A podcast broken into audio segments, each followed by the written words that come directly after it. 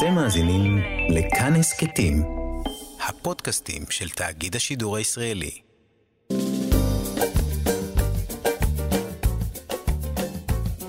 שישים החדש, עם איציק יושע. לחיות בגיל השלישי.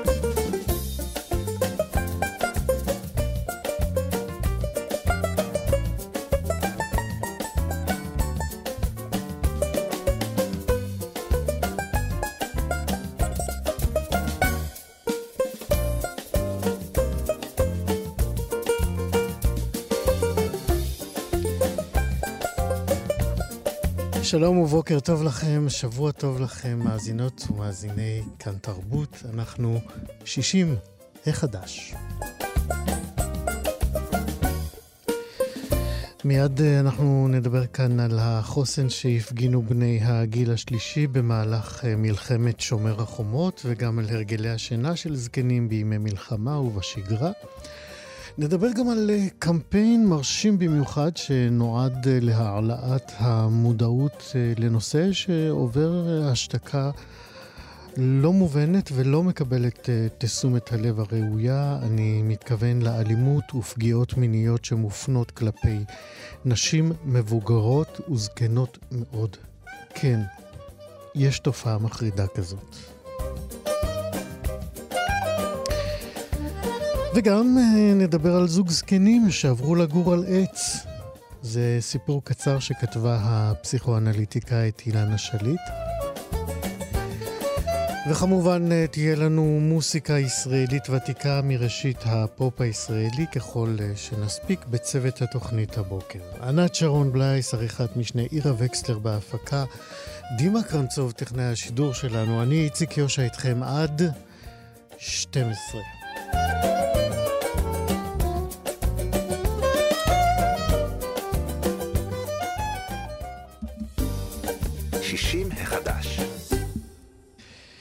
אז uh, נפתח uh,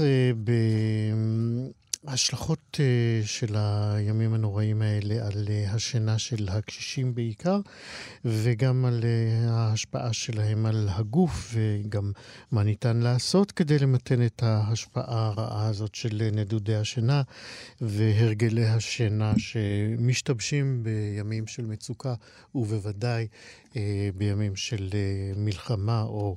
לחימה, ואני אומר עכשיו אה, שלום ובוקר טוב לדוקטור קרן אור חן. בוקר טוב, איציק. את אה, מבית הספר לעבודה סוציאלית באוניברסיטת חיפה, ואת גם אה, מקימת המרכז לפסיכולוגיה חיובית בצפון. נכון מאוד.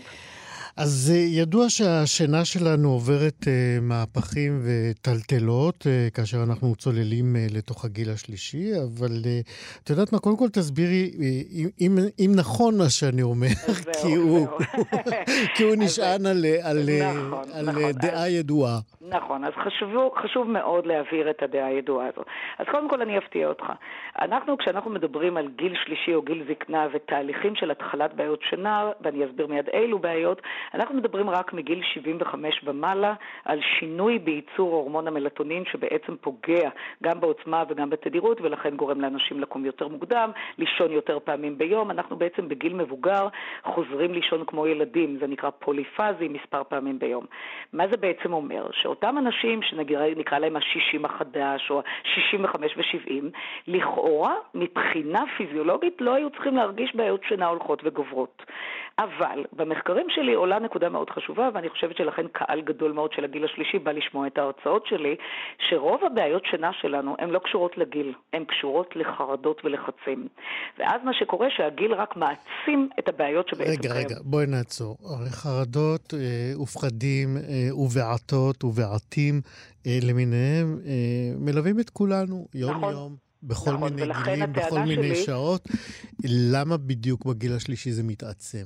לא, אני לא אמרתי שזה מתעצם, הגיל okay. אוקיי. והשינויים הפיזיולוגיים שלו הם אלו שמעצימים את הבעיות שהיו שם קודם. Aha. אבל אולי צריך להגיד בריש גלי שחרדות אכן אתה צודק יש בכל גיל, והיום אנחנו יודעים ש-80% מבעיות השינה נגרמות בגינם ויכולות להכיל בגיל מאוד צעיר, ואז אדם צובר שנים של בעיות שינה, שברור שהאפקט הפיזיולוגי של זקנת הגוף וכל מה שתיארתי קודם משפיע עליהם. עכשיו, למה זה מאוד חשוב לי לומר את זה? כי הפתרון לצערי בעיקר בגיל השלישי הכל כך כך לא נכון, זה שאנשים הולכים לרופא משפחה, שיש לו תובנות מסוימות, ואז הוא עושה את הדבר הנורא מכל. הוא אומר להם, אתה סובל קצת מבעיות שינה? הוא לא מדבר על הרקע וכמה שנים סובלים מהבעיות, ומיד נגיד עוד איזה מילה לגבי טיפוסי השינה. ואז הוא מציע פתרון שהוא פתרון רע מאוד, שנקרא קח כדורי שינה. ואז אנשים בגיל השלישי מתחילים להשתמש בכדורי שינה, אני לא, לא אבדיל פה עכשיו בין שני סוגים של כדורים, כי על זה נצטרך לדבר שעה וחצי, אבל יש לנו את. לא, אבל אה, יש לנו זמן, קצת. אוקיי, אז בואי לפחות ככה... את הקצב ותדברי בעניין. אה, כן, שנדע, כשמדברים על כדורים, למה יש הבדלים גם ביניהם. אני אסביר מדוע זה בעייתי. אוקיי. כדורי השינה מתחלקים בעצם לשניים. יש אנשים שלוקחים כדורי שינה קלאסיים, כמו נומבון, בונדרמין, ויש אנשים שלוקחים כדורים שנקראים הבנזודיאזפנים, בעצם מה שנקרא אנטי-חרדתי. הבעיה שהם לא לוקחים את זה כטיפול לחרדות, אלא הם לוקחים את זה בדרך כלל בלילה לפני השינה. מה הבעיה המרכזית של הכדורים? תגיד, למה לא? הם מרגישים שהם נרדמים יותר מהר, זה מקל. דרך אגב, הזכרת קודם נדודי שינה, זו רק בעיה אחת. הבעיה המטרידה יותר ומתעצמת עם הגיל זה יקיצות מוקדמות ויקיצה מוקדם בבוקר, או יקיצות מרובות במהלך הלילה. מה הכדורים עושים? שזה שייך כבר לקשיי נשימה. לא, אני לא אפתיע אותך. לא, אוקיי, לא, אוקיי. אז זה, הנה עוד מיתוס שצריך להוריד. זה לא מיתוס, יש גם כאלה. רגע, אז יפה, אז תגיד, יש גם כאלה. אמרתי. אבל זה לא הרוב, זה מאוד חשוב. הנושא של דום נשימה, של נרקולפסיה, של כל המחלות הפיזיולוגיות, אני אפילו לא אדבר עליהם היום, משום שלהם יש טיפול רפואי. אני מדברת איתך היום כפסיכולוגית, וזה המקצוע שלי, על אותן בעיות ויקיצות מרובות, הן בכלל לא קשורות הרבה פעמים לקשיי נשימה. אני חייב לעצור אותך. גם בקליניקה את מדברת כל כך מהר? אני לא מטפלת, אני רק מרצה, אבל אתה יודע שהפנסיונרים שבאים לשמוע אותי בכל האסכולות וזה אומרים שבסוף הקורס הם אומרים, היא דיברה לאט? איזה כיף, לא נרדמנו במהלך ההרצאה. אתה יודע איזה תענוג זה? אני מעבירה עכשיו קורס ענק באסכולות בזום בארץ, יש לי עשרות פנסיונרים, אם לא מאות, שבאים לשמוע אותי, והם תמיד אומרים לי, אנחנו ממש ערניים בהרצאות שלך. אז זהו, ואם מישהו מעז לעצום את העין, אני אומרת לו, מה, אתה מעז לישון? הוא אומר לי, לא, אני רק מקשיב לך בעיניים עצומות. אז זהו, אז זה לגבי ההומור, אבל אני באמת רוצה לומר משהו עכשיו משמעותי. Okay. אז אוקיי. הנה בדיוק אתה עולה על הנקודה. כדורי השינה גורמים לך אומנם להירדם יותר מהר, אבל איכות השינה תחתם היא מהגרועות ביותר, והדבר הגרוע ביותר זה שהטולרנס, הסבילות של הגוף אליהם, הולכת וגדלה, ולכן צריך מינון יותר ויותר, ואדם מתמכר לכדורי שינה. אתה יודע, יש לי מנטור בתחום השינה שהוא רופא, אולי אחד הגדולים בארץ, הוא נקרא פרופסור פילר, וגיורא ואני מרצים הרבה ביחד. אני מרצה על התחום הפסיכולוגי והוא על התחום הרפואי של השינה. ואז הוא תמיד אומר לי, תגידי למאזינים שלך בכל מקום משפט חשוב. אני מאוד אוהב את הגישות, ועוד מעט נדבר על טיפים, איך אפשר בכל זאת להפחית בעיות ללא כדורים, אבל הוא אומר דבר אחד, ואת זה אני צריכה להגיד. אם המצב של התחלואת שינה הוא כל כך קיצוני, שהוא גורם לתחלואה פיזיולוגית ואפילו סיכון למוות, פה בוודאי צריך לקחת כדורים.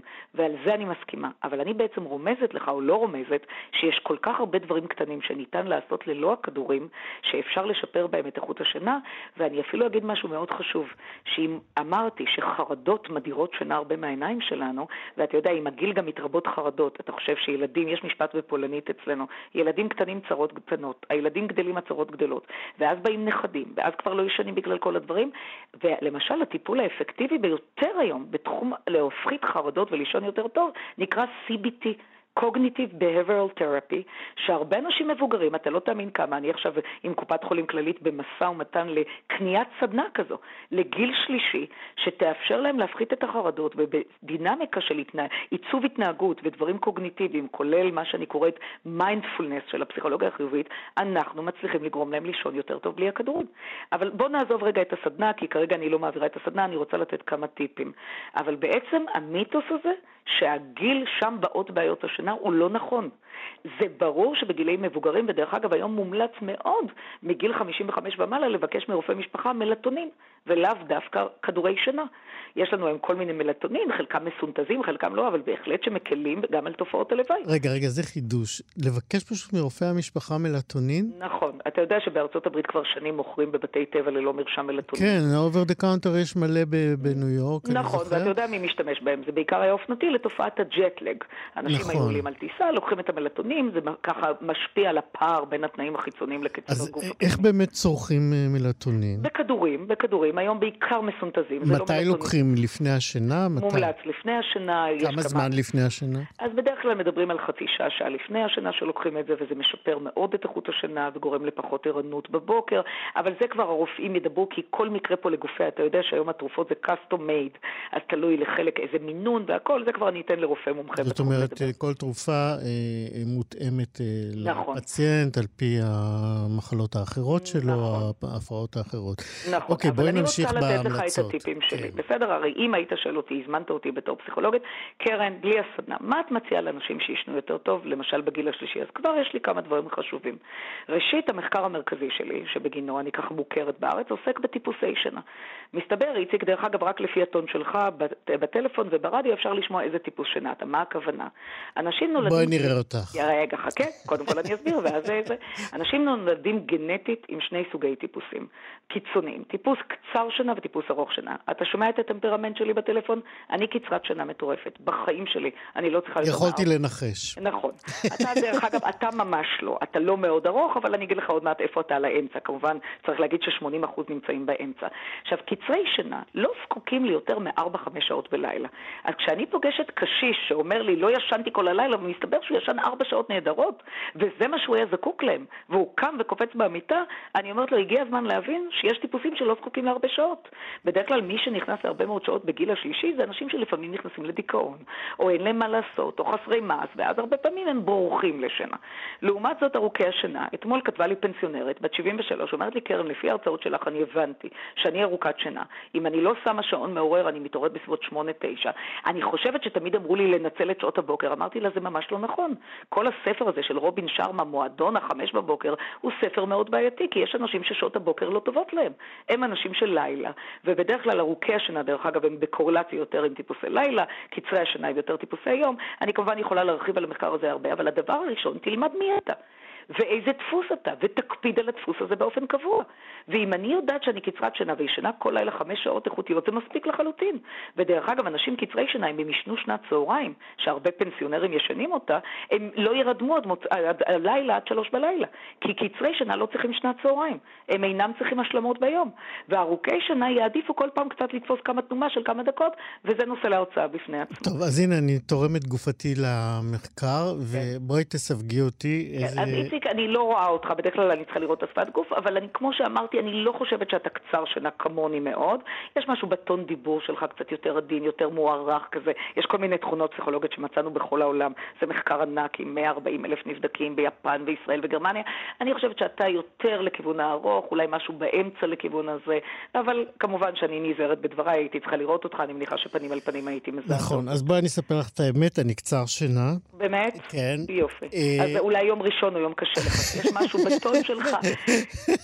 אבל לא, לא רק שאני קצר שינה, אני נורא אוהב שנץ. אה, בבקשה, אז אתה לא לגמרי קצר, יפה. ודרך אגב, תשאל אותי על השנץ. הנה, הנה אני שואל אותך. אז ככה, יש לנו, מי שכבר כן צריך שנץ, צריך לעשות את זה בשני רבדים. או במחזורים של שעה וחצי, כי זה בעצם מחזור השינה, אתה יודע, ואז אם אתה ישן שעה וחצי או שלוש, אתה תקום ערני, אבל אם תישן שעתיים, אתה תקום יותר עייף ממה שהלכת לישון, או משהו מאוד להיט היום במדע, power nap של עשר דקות רבע שעה, זה לא סותר את השעה וחצי, זה משהו מדהים שקורה במוח שלנו. זה נכון, יודע, אני משתמש בו בנהיגה כשאני נפלא, מרגיש עייף. מה זאת אומרת? אני התרעתי למועצה הלאומית למניעת תאונות דרכים, אמרתי להם, שימו את הראש בצד, תיקחו את האוטו בצד, שימו את הראש לעשר דקות, mm-hmm. תחזרו לכביש, אתה יודע כמה זמן מחזיקה ערנות לאחר עשר דקות? שעה וחצי לפחות. לא, חמש שעות. וואלה. חמש שעות. לא, אבל בסדר, אני לא נהגתי אחרי זה חמש שעות. אבל יפה. נהגתי שעה וחצי, שעתיים, וזה היה נהדר. יפה. עוד טיפ חשוב מאוד, שהרבה אנשים לצערי בגיל השלישי עושים טעות, הם נרדמים עם טלוויזיה דולקת. אין מצב. צריך לעולם לכבות את הטלוויזיה לפני שאתה נרדם כשאתה חש עייפות. אני אפילו אומרת לא להוציא את הטלוויזיה מחדר שינה, אלא רק לשמור על באמת חוסר התניה. כי מה שקורה הרבה פעמים, אנשים נרדמים עם טלוויזיה דולקת. מעבר להשלכות שמיד אני אספר לך מפחידות רפואיות בתחום הזה, יש לנו עניין של כניסה של כל הגירויים לתוך החלומות. זו שינה לא איכותית, שינה לא טובה. אתה קם יקץ בבוקר עייף מאוד, וצריך לעולם לא לשים גירויים מסיחים. בכלל, תדע לך, מיטה בחדר שינה אמורה לשמש רק דבר אחד, זה מה שאנחנו קוראים היגנת שינה, רק לשינה. לא אוכלים במיטה, לא עובדים במיטה. אני לא רוצה לדבר על סקס, כי זה נושא להרצאה אחרת, אבל בעיקר... לא, אז למה את מדירה את הסקס? אני קודם כל לא מדירה ושינה. את הסקס. אני לא מדירה, זה בהחלט חשוב, אבל אני אגיד לך שהמיטה אמורה להיות, כמו שפבלוב אמר, גירוי לכל תגובה, היא צריכה לקיים איכות שינה. וכשאתה פותח את הטלוויזיה ונרדם אולי, קורים אחד משני דברים. או שנרדמת והטלוויזיה נושרת דולקת, והרבה פעמים אצל הגיל מבוגר לא תמיד יש מוניטור שמחבב, ואז הם מתעוררים באמצע הלילה וזה פוגע באיכות השינה, או שקורה דבר עוד יותר קשה, הם לא נרדמים, הם מתחילים לצפות באיזה סרט או סדרה, ואז עד הבוקר הם בעצם אלו, עברו מה שאנחנו קוראים בעברית לא יפה, את משבר השינה. אז זה דבר ייהרג ובל יעבור שלעולם אסור להירדם מול טלוויזיה. בוודאי דולקת, מה שצריך זה בהחלט לכבות אותה. עכשיו, אחד המחקרים היפים ביותר שזכיתי לעשות עם פרופסור אברהם חיים, זיכרונו לברכה, שלצערי מת באמצע הנחיית הדוקטורט המשותפת, עוסק בעוד דבר שהרבה מאוד אנשים מבוגרים בגלל לחץ שומרים אותו בחדר, מה שנקרא תאורה, תאורה לבנה או תאורה כחולה, מה שאנחנו קוראים התאורה הלוגנית, פלאפון ליד המיטה שלך, מנורת לילה, מנורה נגד יתושים, אתה לא מאמין, אור מבחוץ. הרבה אנשים מבוגרים לא אוהבים מזגן, אז הם פותחים את התריסים ויש אור תאורה מבחוץ שמגיע מהפנסים. תוסיף לזה גם את הטלוויזיה, אני רוצה להפחיד אותך ואת המאזינים. פי ארבע סיכוי לסרטן שד ופי כמה וכמה סיכוי לסרטן פרוסטטה אצל גברים. למה? כי תאורה לעולם אסור שתהיה לבנה, מה שאנחנו קוראים לבנה או כחולה, מהמסכים כאשר אתה ישן. זה פוגע בייצור המלטונין. פגיעה בייצור המלטונין פוגעת במערכת החיסונית ואתה לא מבין איזה נזקים אנחנו רואים. ולכן אנשים, למשל מבוגרים, ישנים עם פלאפון לידם. תדע לך שאני מגיל צעיר, זה עניין של הרגלים, של היגנת שינה, לעולם אין פלאפון לידי. עכשיו יכולת להגיד, את לא דואגת, יש לי בן, טייס, עכשיו היה בעזה שבועיים והכל, אני אומרת, לא, לא, אני רוצה לישון טוב. ולכן צריך להרחיק כל מקור של תאורה מחדר השינה. אם אתה רוצה קצת אור, ואנשים מבוגרים נגיד קמים ללילה לשירותים, ומיד גם אני אגיד על זה מילה, אז תאורה חמה, צהובה, רק במסדרון ליד. לעולם לא בתוך חדר השינה. דוקטור קרן אורחן, אני מת להמשיך את השיחה איתך, אבל uh, זמננו הולך ומתקצר. בואי ניקח טיפ אחרון ונבטיח לשנינו, לך ולי, שאנחנו חוזרים ומדברים כאן בשידור בזמן הקרוב. אני אשמח מאוד. אז הטיפ האחרון, אני חושבת שהוא מסר למה שהתחלתי איתו באמת את ההתחלה של התוכנית היום. הנושא הזה של לזהות מהם מקורות הבעיות. האם אני סובל מנדודי שינה? האם אני סובל מעקיצות מרובות? האם אני צריך ללכת הרבה פעמים משירותים בלילה? לזה יש פתרון נהדר רפואי. אם מישהו מהמאזינים ירצה לפנות אליי, אני אשמח לעזור וכדומה. ברגע שאתה מזהה את מקור הבעיה, כמו כל דבר, אתה גם יודע לטפל בה. ועובר פה מסר שהוא מסר משמעותי. למה אמרת שבתקופה האחרונה של הלחימה זה מתעצם? זה רק מחזק את העניין שהדאגות והחרדות מדירות שינה, אל תיקח כדורים, מקסימום תנסה להתחיל עם מלטונין ולראות את השפעתו, ואם לא, גם בגיל מבוגר, לפעמים לא יזיק שיטות נהדרות של ביו-פידבק ועיצוב ככה התנהגות שמאפשר הפחתת חרדות. דוקטור קרן אורחן אה, מבית הספר לעבודה סוציאלית באוניברסיטת חיפה, הוא ממקימה, מקימת מרכז, לא מי, מקימת מרכז לפסיכולוגיה חיובית בצפון. תודה שדיברת איתנו, אנחנו נשוב ונשוחח. אני אשמח ושבוע טוב. להתראות. 60 החדש. אה, אני לא רוצה להשתתף בזילות שעוברת המילה מרגש בשנים האחרונות, אבל הקמפיין שאנחנו הולכים לדבר עליו עכשיו הוא, הוא באמת מרגש אה, כמעט בכל היבט שלו. המרצה הלל אבט, הוא עובד במחלקה לתקשורת חזותית אה, בבצלאל, שזאת האקדמיה לאומנות ולעיצוב, ובמסגרת אחד הקורסים שנקרא Art Direction לפרסום, הוא נתן לסטודנטים ולסטודנטיות תרגיל בעיצוב, והם אה, התבקשו בתרגיל הזה לבחור בין שני נושאים, מיטו או גילנות. שתי סטודנטיות מאוד מוכשרות, כמו שדות, אה, חן עופר וטוני דאואר, עשו מין חיבור של הנושאים האלה ויצרו את הקמפיין איש, אישה היא אישה. אישה היא אישה. אה, ובקמפיין הזה הם בעצם נגעו בנושא מאוד מאוד כאוב, נושא די מושתק ומוסתר, אה, גם כאשר אנחנו שומעים על, את השיח על תקיפות מיניות שהולך ומתרחב, יש גזרה אחת של ה... של המקום הזה שמושתקת. אז בעקבות דוח שהן קראו, הן בחרו להציף את הפגיעות המיניות והאלימות המינית שמופנות כלפי נשים זקנות. והתוצאה היא, אני חייב להגיד לכם, קמפיין רחב, מעוצב בכישרון מאוד מאוד גדול, אה, אה, שמעורר באמת הערכה ענקית אה, לשתיים האלה. ואני שמח לומר עכשיו שלום לטוני דאואר, אחת מהשתיים. שלום, טוני. היי, בוקר טוב, מה שלומך? שלום, תודה רבה. אני שמח שהצלחנו ליצור איתך שוב את הקשר. אה, אני לא יודע אם שמעת את הפתיח שלי, אבל אה, אה, אני אשמח אם פשוט תתחילי לספר לנו על, הפרויקט הזה שלכן. אני סיפרתי עליו בהרחבה ככל שאני יכול, אבל כמובן אני ארצה לשמוע ממך. תני לי, איך יצאתם, איך התחלתם בכלל את הקמפיין הזה? אנחנו בעצם אה, במסגרת של קורס בבצלאל בהנחיית הלל אבט, קיבלנו פרויקט אה, לעסוק או בגילנות, באפליה נגד אה, גיל השלישי, או לעסוק בקמפיין מיטו, שבדיוק, כמו שאנחנו יודעים, הוא ענק בעולם, אבל הוא בעצמו לא מתייחס בכלל לגיל השלישי. אז בעקבות איזשהו מחקר חלוטי שנעשה באוניברסיטת חיפה על ידי שלוש נשים מדהימות, פרופסור טובה בנד וינטרשטיין, פרופסור הדר גולדבלט ודוקטור דוברת הראל, קמפיין שעוסק באלימות בגיל השלישי, אה, ובעצם כמעט יוצא כנגד תנועת המיטו, שהם מגדירים אותה בעצמם תנועה גילנית. רצינו להעלות מודעות בנושא של אלימות מינית בגיל השלישי, שזו תופעה שהיא קיימת, אבל היא מושתקת באופן כמעט מוחלט, גם בגלל שמיניות בגיל השלישי הוא בעצמו טאבו, וגם כי אנשים פשוט לא יודעים איך להכיל מידע כזה, אין סוף מקרים שפשוט לא מדווחים, כי הם נראים לנו מופרכים לחלוטין. אז רצינו ליצור איזושהי מסגרת שמאפשרת להכיל מידע מאוד מאוד כבד, אבל להעביר אותו בצורה שהיא... זאת אומרת, איך זה הלך? נקרא לזה נעימה לעין כדי כן. למשוך פנימה אנשים. איך זה הלך? זאת אומרת, את וחן עופר, השותפה שלך לקמפיין, לעיצוב, אה, ישבתם, חשבתם, אמרתם, זה הדבר שמעניין אותנו, כל אחת הביאה מעולמה, מהניסיון שלה, מחוויות שלה. אז אה, הבן זוג של אבא שלי הוא בעצם עובד סוציאלי והוא היה חלק מאחד מהחוקרים במחקר של האוניברסיטה העברית והוא במקרה ישב איתי בסלון כשקיבלנו את הפרויקט. והכל פשוט התחבר ברגע. אמ, זה נושא שלי בקושי יצא לשמוע עליו, ויש בו בדיוק אפס התעסקות. והיה נראה לנו שזה משהו שחשוב וגם מעניין לפצח איך להעביר אותו לקהל הימים. אוקיי, okay, ואז צללתם לתוך הנושא הבאמת מחריד הזה, תקיפות ואלימות מינית שמופנות כלפי נשים זקנות. מה מצאתם? אה, מצאנו בעיקר, אני חושבת שמה שזעזע אותנו בראש ובראשונה היה באמת עניין השתיקה.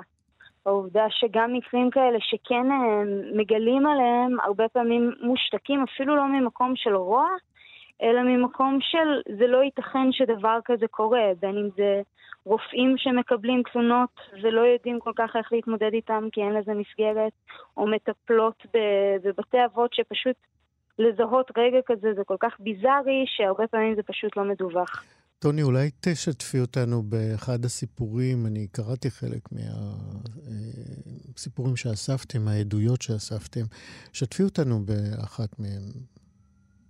אני חושבת שסיפור שבלט לי לעין היה סיפור של אה, אישה שהתחתנה נישואים שניים בגיל מבוגר, בשנות ה-60 לחייה, והתחילה באמת לחוות תקיפות מיניות מצד בעלה.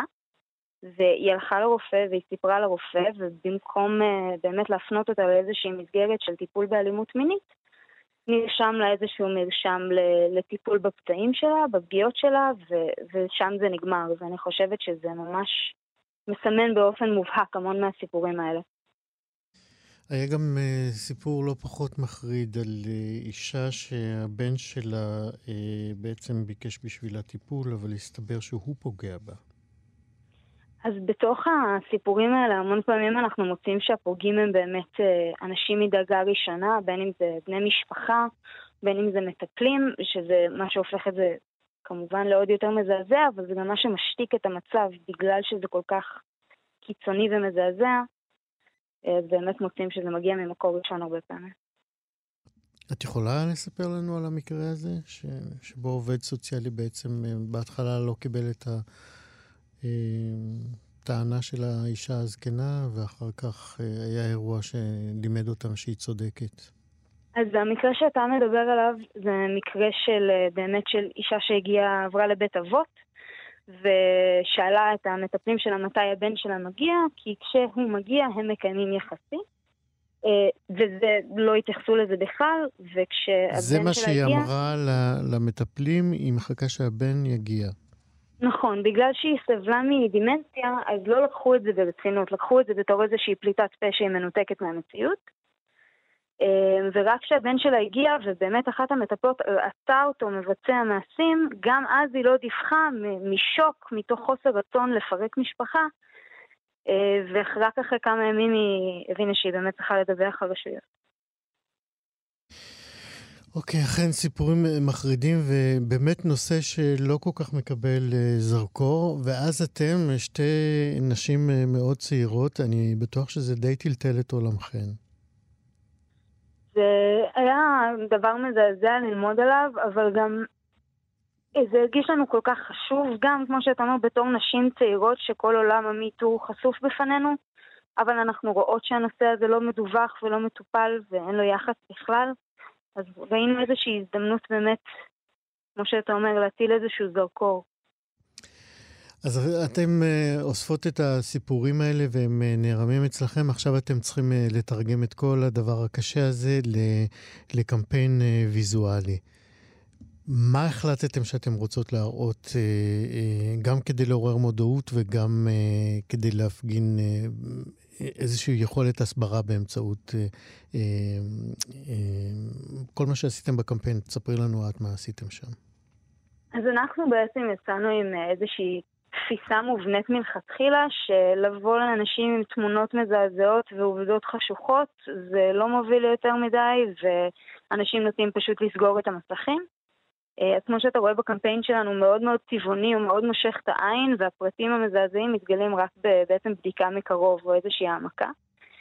אה, וכל הקמפיין שלנו באמת התבסס על זה, על לנסות להביא את התחום הזה לעולם שהוא צעיר, לגרור אותו לתוך מהפכת ה MeToo, בין אם זה דרך קמפיין בסטורי, אם זה פילטרים בפייסבוק, פוסטרים ו...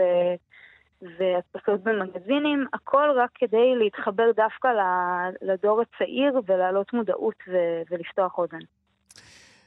תנסי, לא, אנחנו ברדיו אמנם, אבל תנסי ככה קצת לתאר לנו בכל זאת מה, מהחלקים הוויזואליים של הקמפיין, מה אנחנו רואים שם? המון צבעוניות עזה, אה, צילום ברמה גבוהה ושימוש דווקא בחפצים ולא בגוף של אישה. איזה חפצים לי... למשל? אה, ניסינו ליצור השוואה בין נשים מבוגרות יותר לנשים צעירות, אז השתמשנו באודמים, אודם שמייצג אישה מבוגרת יותר ואודם שמייצג אישה צעירה יותר, אה, לרמת הכיסאות והתחתונים, והכל רק כדי להראות שאישה אישה. אישה היא אישה, זה השם שבחרתם לקמפיין הזה. אה, אתם אה, ניסיתם לעניין אה, גורמים של המדינה, גורמים רשמיים שמטפלים בנושאים האלה כדי לקחת את הקמפיין הזה ולהפיץ אותו הלאה? אז אם אנחנו חוזרים אחורה למחקר, זה בעצם מה שהמחקר הזה בא לעשות. הוא בעצם זה לא עניין רק של העלאת מודעות, זה ליצור פתרונות, אם זה קו תמיכה לנשים בגיל השלישי, הכשרת אנשי מקצוע בתחום, זה בעצם לכאן, לכאן פנינו מועדות. זה מה שמנסים לעשות עכשיו. בגלל שהמחקר הזה נעשה גם בשיתוף פעולה עם משרד, משרדים ממשלתיים, אז זה לגמרי החזון. טוני דאואר, יוצרת הקמפיין אישה היא אישה, ביחד עם שותפתך חן עופר, אנחנו צריכים להזכיר גם אותה. ממש תודה רבה לכם גם על הקמפיין וגם על השיחה המצוינת הזאת. תודה. תודה רבה לך, איציק. שבוע טוב ושקט. שבוע טוב. 60 החדש. עכשיו אנחנו ננסה לעבור לגור על עץ בגיל 80. האופציה הדמיונית הזאת, אה, האמת, נראית מאוד אנושית, מאוד אה, אפשרית ואולי אה, בלתי נמנעת כשקוראים את הסיפור הנהדר שכתבה אילנה שליט, והוא נקרא כך, לגור על עץ. אילנה שליט היא פסיכואנליטיקאית, וזהו הסיפור הראשון פרי עטה שמתפרסם בכתב העת האינטרנטי לספרות, המוסך. שלום אילנה שליט. שלום, שלום, היי. ברכות על uh, פרסום הביקורים. תודה, תודה. תודה. גם שמחתי שזה פורסם. מה? אני גם שמחתי מאוד שזה פורסם. אז כן. הנה, כולנו שמחים כאן יחד. Um, אני רוצה ברשותך uh, לקרוא קטע מהסיפור, בסדר? כן, יאללה. אז את כותבת כך: אז אני לוקח אותך מפה, וידה, ואנחנו הולכים לגור על עץ. כן, מה יש? אז יגידו, שמעתם, פאול ווידה יצאו מדעתם ועוד בגיל 80. דווקא לא היו סימנים למעט דכדוך פה ושם. שיגידו, אבנה לנו קן, אביא לנו שמיכות ויהיה לנו חם. נפתח את הבוקר עם טיפות הטל, שירת הציפורים והאור שמסתלסל ועולה ומזמין אותנו להצטרף אליו בהתבוננותו על הבריאה. סוף סוף יהיה לנו זמן להסתכל על הכל. כך נסתכל לנו על הכל מלמעלה, ממבט עץ. ואני אשמור עלייך, מבטיח. אביא לך גם אוכל שאטבל בעשב ובשירים. בואי וידה. איך אדע אם את איתי או לא? לרגע עינייך נראות כמו פעם, ולרגע את נראית כאילו את שרויה בעולם משלך. תני לי את היד רגע, את האצבעות שאני כל כך מכיר. אגודל, אצבע, אמה, קמיצה וזרת? שלך, שלי? אולי תזהי, אם תזהי את האצבעות שלי, תדעי איך לחזור אליי? זה הקטע שבאמת אה, קרא אותי מבפנים. אה, כן. תנסי להכניס אותנו רגע לעולמם של אה, וידה ופאול. אגב, לא יכולתי להשתחרר מבחירת השם וידה, שחיים. כן. כן. מעניין, לא חשבתי על זה. אה, איך אני אכניס? האמת שהסיפור, אה, ניסיתי דרך הסיפור באמת מאוד להכניס לתוך כל העולם שלהם, של שני אנשים שמתבגרים, מזדקנים, ו... שהיא כבר די אבודה ומבולבלת ונמצאת במוסד. וניסיתי להיכנס לדמיין סיטואציה כזאת ש... Uh, הבן זוג, שמאוד מאוד אוהב אותה, uh, גם ככה שם לב להבדל בין הבית לבין המקום הזה, עם הניאונים שאנחנו כולנו מכירים מבית חולים או מוסד או מקום כזה, והרצון הכל כך אנושי לחתוך מזה, לחתוך מהמציאות, וללכת למקום uh, כיפי ונעים, שקשור בטבע, ומקום ש... קצת כמו דמיון כזה, שאם כאילו אם יעזבו את המוסד, אז כל הבלבול גם, כאילו משאירים את כל החולי והבלבול נגיד, במקום עצמו, ולתת לעצמם דרור, ללכת לאיזה מין משאלה ילדית כזאת, וזהו, על זה הסיפור.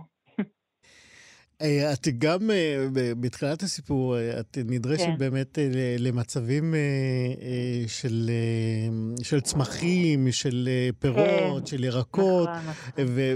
ודרכי הגידול שלהם מייצרות אצלך לפחות איזה שהן מטאפורות לקיום האנושי. כן. מה, מה באמת, אה, אה, בחוויה שלך, כפי שהיא באה כן. לידי ביטוי בכתיבה, אה, מה באמת בתהליכים הטבעיים האלה של הטבע אה, mm-hmm. גורמים לא, לאותו חיבור אה, שלא נותן לו להרפות ממנה גם כשהיא נעלמת ממנו? כן. אני חושבת שמה שאותי נורא מרתק באמת, ובדיוק כמו שאמרת, זה החיבור הזה כאילו להסתכל על משהו מקרוב, על התהליך שלו, של ההתפתחות, גם של דברים חיים, גם של דברים בטבע. גם, אה, גם אה, אני רואה בגינה, נגיד, בעצים שלנו, בפרחים. אני נורא אוהבת לעקוב אחרי ה... ההתהוות הזאת, אפילו של פרי בעץ, מההתחלה עד שהוא בשל, ואחר כך על הרצפה, ומה קורה איתו.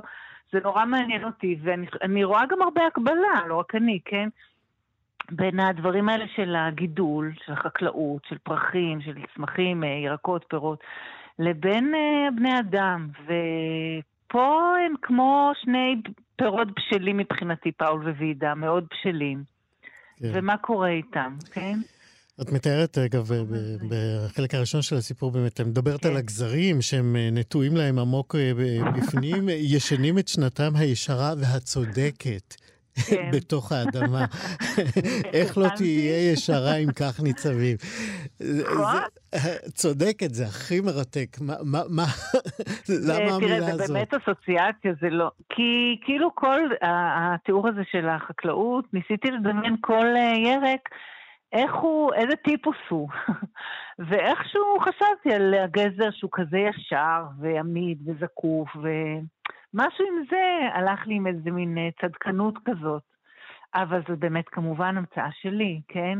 כמו, אה, אני יודעת, אה, כמו צנונית שהיא מנומנמת, מבוישת, סמוקה. אני פה באמת פה מתארת איזה סיפור על כל אחד ואחת מהירקות שבאמת המצאה. אבל ניסיתי לחבר משהו שהלך לי עם הדמיון, עם איך הם נראים, ואיך הם מרגישים, ואיך הם לפנות בוקר. אז אה, כן, זה כן. בוקר חייהם, ו- וככל כן. שעוברים השנים, אה, אה, חייהם נשזרים אלה כן. באלה עד כדי... יש עוד תיאור אחד יפהפה של כן. הקשר הזה ביניהם, שמעמיק בערוב או במהלך השנים. כן. את מדברת שם על הספה בבית. הספה כן. אה, ומשוקעות גופנו בתוכה, אה. שכך בסוף כל יום אה, ידע את עצמו דרך מפגשו עם הכרית, רכותה והד התנוחות שנצברו עליה, עד שכבר לא ברור היה מי משוקע במי. אה, כמעט כמו היחסים שלהם, לא ברור מי הוא מי. נכון, מי זה מי, כן, כן. כן, אני חושבת שיש משהו בסיפור הזה שניסיתי לגעת באמת במין חיבור נורא נורא עמוק בין שניהם. אה, כמו בין אה, בני זוג, כמו בין... אה, באמת שניים שנורא צמודים, שכבר לא... אני לא יודעת אם לא ברור איפה אחד מתחיל, השני... אחד נגמר, השני מתחיל, אבל משהו במקום הזה, באמת שיש כבר איזו הדדיות, שכבר אחד, יש לו כבר את התנוחה, שכבר ההיענות על שני, או הקשר עם השני, כמו קצת ספה ו... ושאנחנו יושבים עליה, כן? שיש מגע בין הכרית, הכרית כבר נהיה ככה מתרככת שאנחנו נשענים, ו... ולפעמים כבר אחרי זמן כשהקריות יותר מרופטות, כבר הגוף שלנו מוטבע בהם קצת, או המשוקעות. אז כן, אני חושבת שיש משהו, הדימוי הזה שתפסת הוא מאוד הוא מעניין בעיניי, כי הוא תופס משהו מהתמצית של הסיפור, של משהו על המשוקעות, כן, של אחד בשני העמוקה. אני רוצה עוד להגיד משהו על השאלה אה, שקודם שאלת על השמות. Mm-hmm. אה, וידה, האמת לא חשבתי על מים, זה מעניין. אני חשבתי על פאול כפאול גם. כמה? גול עצמי. אה, פאול, אוקיי. מה הזמן הזה? אוקיי. אה, שכל הסיפור הזה יש בו גם גול עצמי, גם, אבל... אה, גול עצמי שהחיים מאלצים אותנו להבקיע. להוציא אותה, יהיה ברור שצריך להחזיר אותה, הרי אי אפשר באמת לעבור עכשיו לגור על עץ. זה משהו כזה על הדבר הזה. ועליה, האמת, חיפשתי מאוד שם שלא יהיה קשור לכלום, בלי אסוציאציה, בלי זה, אז איכשהו הגעתי לוידה הזה. אבל... והנה אני הבאתי את האסוציאציה. נכון, אתה צודק, באמת. זה רעיון. אילנה שליט כותבת הספר, הסיפור הנהדר הזה, לגור על עץ, אה, שהתפרסם בכתב העת המוסך, כתב עת אה, אינטרנטי לספרות. תודה רבה שדיברת כן, איתנו. כן, תודה, תודה רבה. להתראות. שיהיה שבוע טוב, ביי. גם לך. אנחנו ביי. עכשיו עם מעברון. 60 החדש. הוויכוחים הבאמת מסלידים אה, בעיניי בימים האחרונים על השאלה מי ניצח במלחמה הזאת, במבצע הזה שנקרא שומר חומות, הוויכוחים האלה ממשיכים להדהד בחלל שלנו, כאילו שבאמת יש מנצחים במלחמות. מה שכן יש במלחמות הוא חוסן, או חוסר חוסן, עוד מעט נדבר על זה, ובעיקר במקרה שלנו פגיעה בחוסן של האוכלוסייה. בשני הצדדים, חוסן כלכלי, ביטחוני בוודאי, אה, ונפשי. אה, מדד החוסן של אה, אוכלוסיות, אוכלוסיית הגיל השלישי אולי יכול להאיר גם עוד מעט נדבר גם על זה, על החוסן של הצעירים דווקא בסביבתם. ועל זה אנחנו נדבר עם הדוקטור אה, אבי ביצור, שהוא ראש אה, לימודי זקנה במכללה האקדמית אה, בית ברל. הוא גם לשעבר מנכ"ל משרד הגמלאים. אז עכשיו אנחנו אומרים שלום לדוקטור אבי ביצור. איציק, שלום למאזינים. אז בואו נדבר באמת על החוסן של הזקנים ואיך הוא בא לידי ביטוי במלחמה האחרונה הזאת, המבצע הזה, שומר החומות. בשמחה, בשמחה, ברצון רב. תראה איציק, יש נטייה רווחת בתיאוריות ובספרות ובדרך כלל בתפיסות שזקן זה קשיש, קשיש זה קש שנשבר בקלות וזקנינו יישברו בקלות ויהיו הראשונים, מה שנקרא, לא לעמוד במצבי דחק, לחץ, טראומה, משבר כמו מלחמה וכדומה. אני אומר את הדברים האלה בתיאוריות. יש הרגע בוודאי כמה שקופצים ואומרים, לא, לא, לא, לא, לא. אז להגיד לך מראש, כן, הם צודקים. אבל התפיסה הרווחת היא כזאת, ולכן היה חשוב מאוד לבדוק הרבה מאוד פעמים שעשינו את זה, לפחות פעמיים בעזרת אנשי מכללת ספיר, קראנו לזה מדד החוסן, מדד ספיר, אני אנשי בית ברל, ובדקנו עמידות וחסינות של אנשים, ובין השאר אנשים זקנים. אנשים זקנים על פי הגדרת הגילאים הרשמית. מה גילינו, איציק, לתדהמתנו? שתף אותנו. לשמחתנו, שזה הפוך. זה הפוך. כשאתה בא ואתה מדבר היום, ואני אתן שתי דוגמאות בלי שמות כמובן, מפאת כבודם, זקן בן 71 מכפר עזה וזקן בן 84 ממפצים, שאומרים לי בציטוט, זה ביתנו, אנחנו נלחמנו, אנחנו פה מימי בן גוריון, ויסלחו לי הפוליטיקאים שיכעסו עליי עכשיו, זה לא פוליטיקה, לא נזוז מפה, לא נזוז, לא נלך, לא יפחיד אותנו. כן, ראיתי אותם uh, אתמול באיזושהי כתבה, אני לא זוכר איפה, ובאמת uh, אחד הגברים שם אומר, נלחמנו בכל כך הרבה מלחמות, שרדנו אותם, לא נראה לי שעכשיו אנחנו מוכנים לעזוב את הבית. כן, אני אומר, אני אומר אפילו יותר מזה, כדי לעשות את זה קצת אה, פופולרי יותר ועממי, וסליחה על ה... שהתמה שאני מציג עכשיו, להפוך אותה לרווחת, לדבר, כשאתה הולך ליוצאי חבר העמים שמאפיינים את אזור אשדוד, לדוגמה, וסליחה על ההכללה שלא יכעסו עליי, אז הם אומרים לך, שום דבר לא יפחיד אותנו, זה לא יפחיד אותנו. לא למה? למה? בעצם, מה מקור החוסן שלהם? מדבר, אני מדבר על מי שעמד, מה שנקרא, בפרפרזה, כן? בקור הסיבירי יעמוד גם באיומים כאלה, זה לא מפחיד. הם לא יזיזו אותנו. כשאתה בא לניצולי שואה, והבדלנו אותם באופן מיוחד, למה? כי קודם כל הם כולם זקנים בוודאות. גם מי שהיה בבטן אימו בסוף מלחמת העולם השנייה. ודבר שני, תשמע, אתה מצפה ממי שעבר אימים או חי תחת צל השואה, שאיפשהו יזוז. לא. מה כבר יעשו לנו שלא עשו לנו? כן. זה היה המשפט. מה כבר יעשו לנו שלא עשו לנו? אבל הוותיקים זה הדוגמה הנהדרת. המושבים, היישובים, הרגע דיברתי, שים לב, רק על הדרום, לא דיברתי על שאר הארץ. אני מיד אחיד ברשותך אם תרצה. כן. כן, הם זה עובדים. הזמן, זה הזמן. בוא תרחיב עכשיו. הם לא רוצים לעזוב, הם לא רוצים לנוע. אני רוצה גם, שים לב, שבמדד הם יוצאים חזקים יותר, חסינים יותר, עמידים יותר, לא מבחינת שרירים ומעשה, מבחינת נפש, רוח. יותר אפילו מילדיהם. אז זהו, אני, אני באמת רוצה לקחת אותך לאיזו כן. תמונה שראו אותה רבים מהימים האחרונים מהלחימה אה, בעזה. אה, אה, בית של קשיש נפגע באשדוד, דיברת על אשדוד עכשיו. ב-84, כן, ובח... ובחור צעיר רץ אל תוך ההריסות כדי למצוא שם בעצם קשיש בן 80 עומד על הרגליים בתוך ההריסות, הוא נראה די רגוע ו- ושקט יחסית, ורק מבקש שיעזרו לו לצאת משם. איציק, אני אגיד לך משהו. כן. אני חושב שכל כך צדקת קודם, שדיברת על תמונות מלחמה. במהלך התוכנית וגם לפני שפנית אליי. אתה יודע מה זה תמונת הניצחון שלי, לא תמונת המלחמה. זה תמונת ניצחון. אז הבית נהרס, תשמע, זה לא נעים. ברור, זה נזק כלכלי, ברור. לא, אתה נכנס לעניין הניצחון, אני בכלל אה, כופר בניצחון. לא בוא נקרא תמונת מלחמה, בסדר? יותר טוב. עומד זקן ב-84 ואומר, אולי תעזור לי רק לצאת. לא קרה לי בעצם כלום. כן, אני על הרגליים. אני אומר, תשמע, זה חוסן, זו עמידות, זו יכולת, וכאן אני הולך למרכז הארץ. ברשת משען למשל, בדיורים המוגנים, זה לא, אני, אני לא איש אה, עסקים, אני לא מוכר פרסומת עכשיו, פשוט אה, קרוב וקצת אנשים ברשת, אז ראיתי, אתה רואה ואתה שומע ואתה חי את האנשים בתנאי שהם יודעים א', לאן הם צריכים לנוע בעת חירום, מאוד חשוב, אני תכף ארחיב על הפוך. אין לנו הרבה זמן, אז עכשיו. שאני יודע, יש להם ממ"ד או מקלט קרוב, והם יודעים איך להתנהג.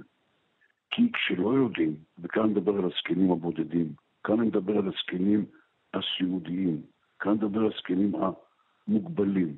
כאן קל מאוד, בתוך מיליון שלוש מאות חמישים אלף זקנים, למפות, ואני קורא למשרד הרווחה והמשרד לשוויון חברתי, משרד הגמלאים לשעבר, שהייתי בו מנכ"ל, פשוט מפו אותם, תמצאו מי מהם זקוק, מי צריך שימצאו לו איזושהי קוביית בטון שתשמש לו, אתה יודע, הבריטים במלחמת העולם השנייה הכינו דבר שנקרא מקלט אנדרסון. כן. קוביית בטון של מטר על מטר על מטר מזוין, שבתוכו אמא, אבא, שתי ילדים יכולים להיכנס, אם אין להם מקלט.